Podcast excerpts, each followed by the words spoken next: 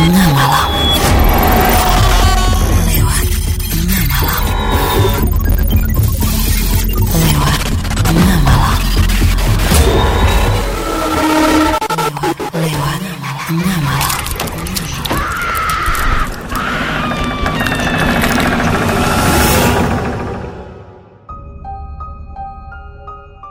Hai, selamat tengah malam. Selamat kembali mendengarkan podcast lewat tengah malam bersama saya Willy Ardan. Malam hari ini jadi momen yang spesial banget, episode spesial juga, karena podcast lewat tengah malam bisa kolaborasi dengan podcast Jalan-Jalan Cuap-Cuap bersama dengan Danan Wahyu.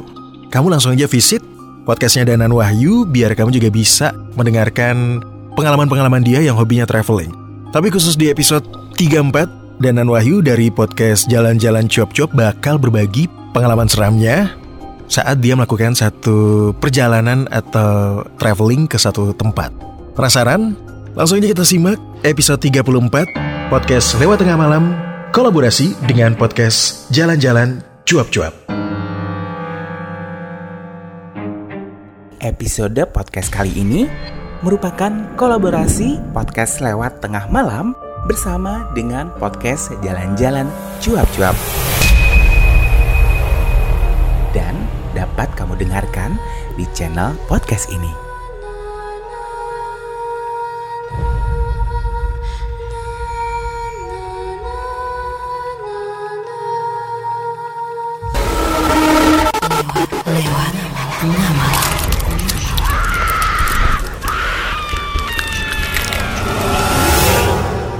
Assalamualaikum warahmatullahi wabarakatuh.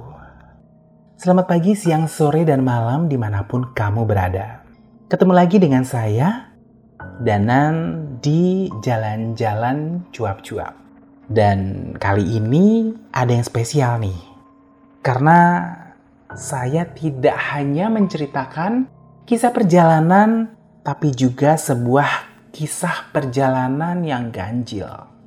Sejujurnya saya tidak pernah memikirkan akan terjadi sebuah perjalanan yang mungkin memberi pengalaman baru ya gitu.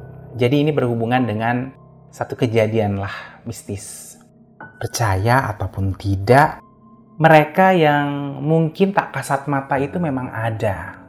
Dan ketika kita datang ke satu tempat baru kita harus lebih respect dengan kehadiran mereka. Jadi perjalanan ini kami mulai yaitu dari kota Bandar Lampung. Saya dulu pernah bergabung dengan salah satu komunitas anak-anak motor. Nah ceritanya nih kita mau naik motor ke Teluk Kiluan. Sebenarnya Teluk Kiluan bukanlah satu destinasi yang asing ya. Tapi mungkin proses perjalanan ini yang melahirkan satu kisah baru. Jadi dengan beberapa teman kita menuju Teluk Kiluan yang berada di Kabupaten Tanggamus. Butuh waktu perjalanan dengan kendaraan sepeda motor ya sekitar 2-3 jam ya. Karena jalannya waktu itu memang tidak bagus. Mungkin sekarang satu jam saja. Dan jujur ketika memulai perjalanan ini kami tidak berdoa. Ya seperti kebanyakan anak muda, kami lebih banyak tertawa, bersenang-senang, berbicara keras-keras tanpa menghiraukan bahwa kami sesungguhnya berada di tempat baru. Dan ketika kita akan sampai ke lokasinya nih gitu. Jadi kan untuk uh, sampai di lokasinya kita harus menuruni tebing dan jalannya cukup curam. Tiba-tiba tuh tiga motor dari kami itu mengalami kecelakaan secara beruntun. Jadi ketiga motor ini tidak bisa dikendalikan dan kami pun berjatuhan gitu ya. Ada teman yang kakinya sampai luka tapi beruntung tidak parah. Dan ya karena kami waktu itu senang, happy ya eh, merasa bahwa ini adalah sesuatu kejadian yang normal gitu ya. Akhirnya kami sampailah di homestay dan bersenang-senang lah. Lalu kami juga sempat menyempatkan diri island hopping dan bermain ke pantai yang ada di ujung pulau. penduduk lokal tuh sempat bilang ke kami kalau ke pantai di ujung sana kamu nanti akan melewati satu makam tua. Nah, kalau melewati makam itu berhati-hati ya, maksudnya menjaga sikap, menjaga perilaku gitu ya, tidak berbicara yang keras gitu. Oke, ya tapi lagi-lagi adalah kami anak-anak yang hobi traveling, ketika sudah melihat tempat indah, maka semuanya akan lepas kontrol. Hingga akhirnya kami melewati malam di salah satu homestay. Sebuah rumah sederhana yang terbuat dari kayu dan atap rumbia dan tepat berada di sebelah pantai. Homestaynya ini seru sih kalau aku bilang karena kita punya balkon yang langsung menghadap ke laut. Malam itu kami sempat uh, melewatkan satu pesta kecil lah di halaman homestay dengan api unggun. Lalu menjelang malam ya sudah lah gitu ya. Kami masuk ke dalam homestay lalu menempati posisi tidur masing-masing. Tapi tahu tidak, saya itu malam itu yang seharusnya setelah seharian bermain di pantai dan melewati perjalanan panjang tuh bisa tidur gitu ya. Tapi tidak tahu mengapa rasanya kok eh, badan tuh lelah tapi mata tidak bisa dipejamkan. Seolah-olah badan ini menjadi waspada. Dan kebetulan malam itu turun hujan sangat deras. Harusnya setelah beraktivitas harian lelah cuaca dingin, rasa kantuk menyerang ya. Tapi saya tidak. Saya tetap merasa harus waspada. Hingga pagi, saya tetap terjaga. Kemudian seorang teman berkata, Kenapa Nan? Sepertinya kamu begadang ya? Iya, aku bilang. Aku tuh uh, ngerasa bahwa nggak ngantuk dan harus tetap waspada. Terus dia senyum gitu uh, kamu ngelihat yang aneh-aneh atau merasakan satu keganjilan? Aku bilang sih gini, bukannya aku sih tidak percaya dengan hal-hal gaib, tapi aku memang meminta untuk tidak peka melihat segala sesuatu yang berhubungan dengan sesuatu yang gaib lah gitu. Terus teman senyum. Kamu ngerasain sesuatu? Enggak, aku bilang. Aku nggak merasakan sesuatu. Akhirnya si teman ini bilang, jadi sejak perjalanan kita tuh dari kota sampai tiba di tempat ini tuh ada satu sosok yang ngikutin kita dia bilang terus aku maksudnya apa iya tahu nggak kecelakaan tadi pagi itu kan nggak nggak murni dan nggak natural dia bilang gitu sebenarnya itu kayak bentuk peringatan sih buat kita untuk tidak ke tempat ini loh emang kenapa dengan tempat ini jadi dia berceritalah ketika kami sempat pantai dan melewati yang namanya makam gitu ya. Nah, sejak itulah katanya banyak nih makhluk-makhluk tuh ngikutin kita, dia bilang gitu. Aduh, gue bilang, please deh, kayaknya gue nggak nggak terlalu suka deh, gue bilang dengan yang kayak kayak gini. Dia bilang ya terserah lo mau percaya atau enggak, tapi itu yang terjadi. Dan asal lo tahu aja ya dia bilang gitu.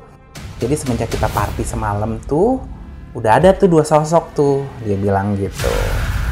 Terus pas malam nih semalam kan badai dia bilang gitu. Dan lo itu ngerasa nggak bisa tidur kan? Iya gue bilang gitu itu berarti alam bawah sadar lo tahu bahwa lo harus waspada. Lo kenapa? Gue bilang gitu. Karena asal lo tahu aja ketika sebadai itu semua makhluk-makhluk tak kasat mata itu ada di semua di atas nih dibilang gitu.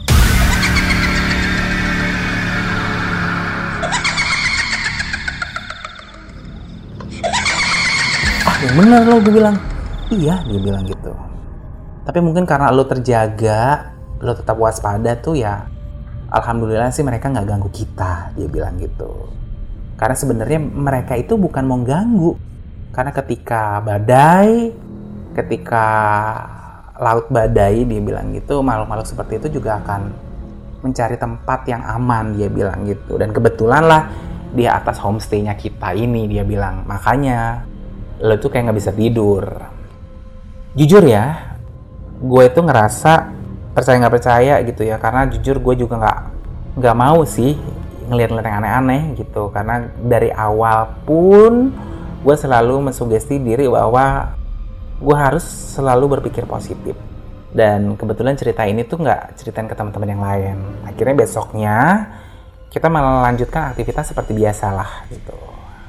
Tapi jelang pulang akhirnya banyak kejadian lah gitu jadi aku sendiri pun akhirnya sempat jatuh dari motor dan menyisakan luka besar di betis gitu ya karena kena knalpot.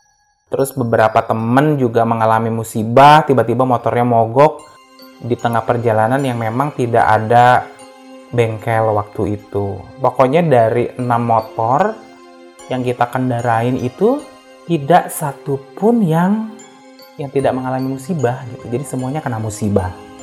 Akhirnya satu temen yang bilang ke aku tuh langsung ngomong nih ke kita. Guys, kayaknya ada yang salah deh dengan kita. Kayaknya kita mesti introspeksi diri. Kalian ngerasa nggak sih bahwa kayaknya kita dapat cobaan semua nih gitu. Dan kalau dilihat-lihat kan sepele ya gitu. Tapi ini benar-benar nyusahin kita gitu. Coba deh, kita coba buat introspeksi diri hal apa yang sudah kita lakukan mungkin mengganggu gitu. Tidak hanya mengganggu manusia ya cuman mungkin mengganggu makhluk-makhluk lain yang tempat yang kita kunjungi. Akhirnya dari situ kita coba ya buat oh mungkin kita memang tidak mengawali setiap aktivitas kita dengan doa gitu. Tidak memohon kepada Tuhan untuk meminta perlindungannya jadi Akhirnya kami berenam nih memutuskan untuk benar-benar kusuk lah berdoa, meminta tolong kepada Allah, kepada Tuhan kami untuk dimudahkan perjalanan ini gitu. Karena waktu itu jatuhnya sudah sore dan kami benar-benar kewalahan ya mengalami semua cobaan ini gitu.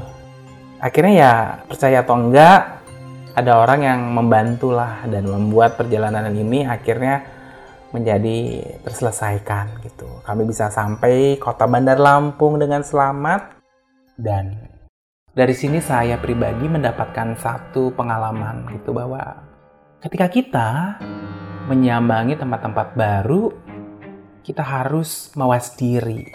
Kita harus menjaga perilaku. Kita harus juga memohon kepada Tuhan agar tetap dilindungi. Nah, gimana nih dengan kamu nih teman-teman yang mungkin memiliki hobi traveling, apakah kamu memiliki kejadian yang serupa? Karena biasanya nih yang naik-naik gunung itu bakal banyak banget ceritanya gitu ya. Karena biasanya di tempat-tempat sepi ya akan banyak ya makhluk-makhluk tak kasat mata. Dan mungkin perbuatan kita atau aktivitas kita tidak sengaja itu menyenggol mereka. Dan podcast kali ini merupakan kolaborasi dengan podcast lewat tengah malam. Lewat tengah malam. Jadi menarik juga nih buat ceritain kejadian yang seram gitu ya selama traveling.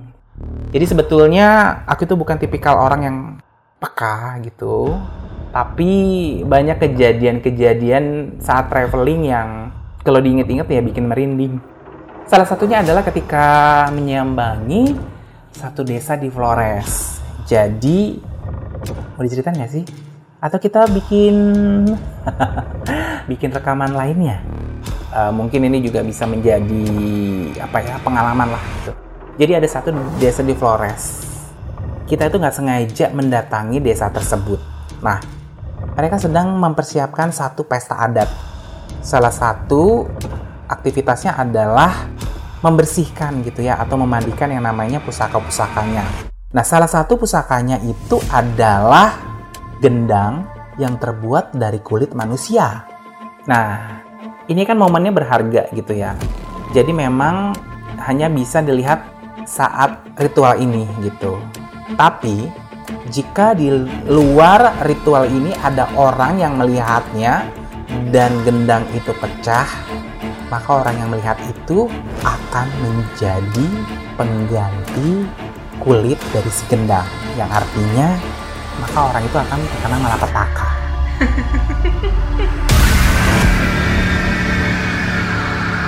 itu sih kejadian-kejadian yang eh, pernah gue alamin gitu ya yang kalau diinget-inget bikin merinding sih gitu.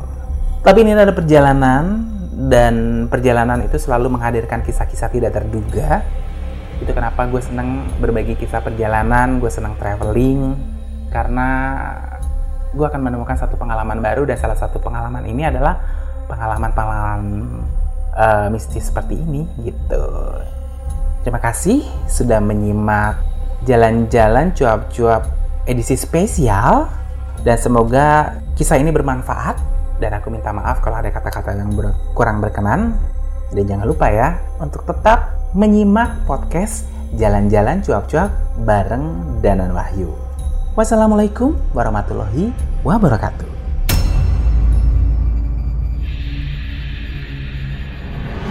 Kamu lagi mendengarkan podcast lewat tengah malam.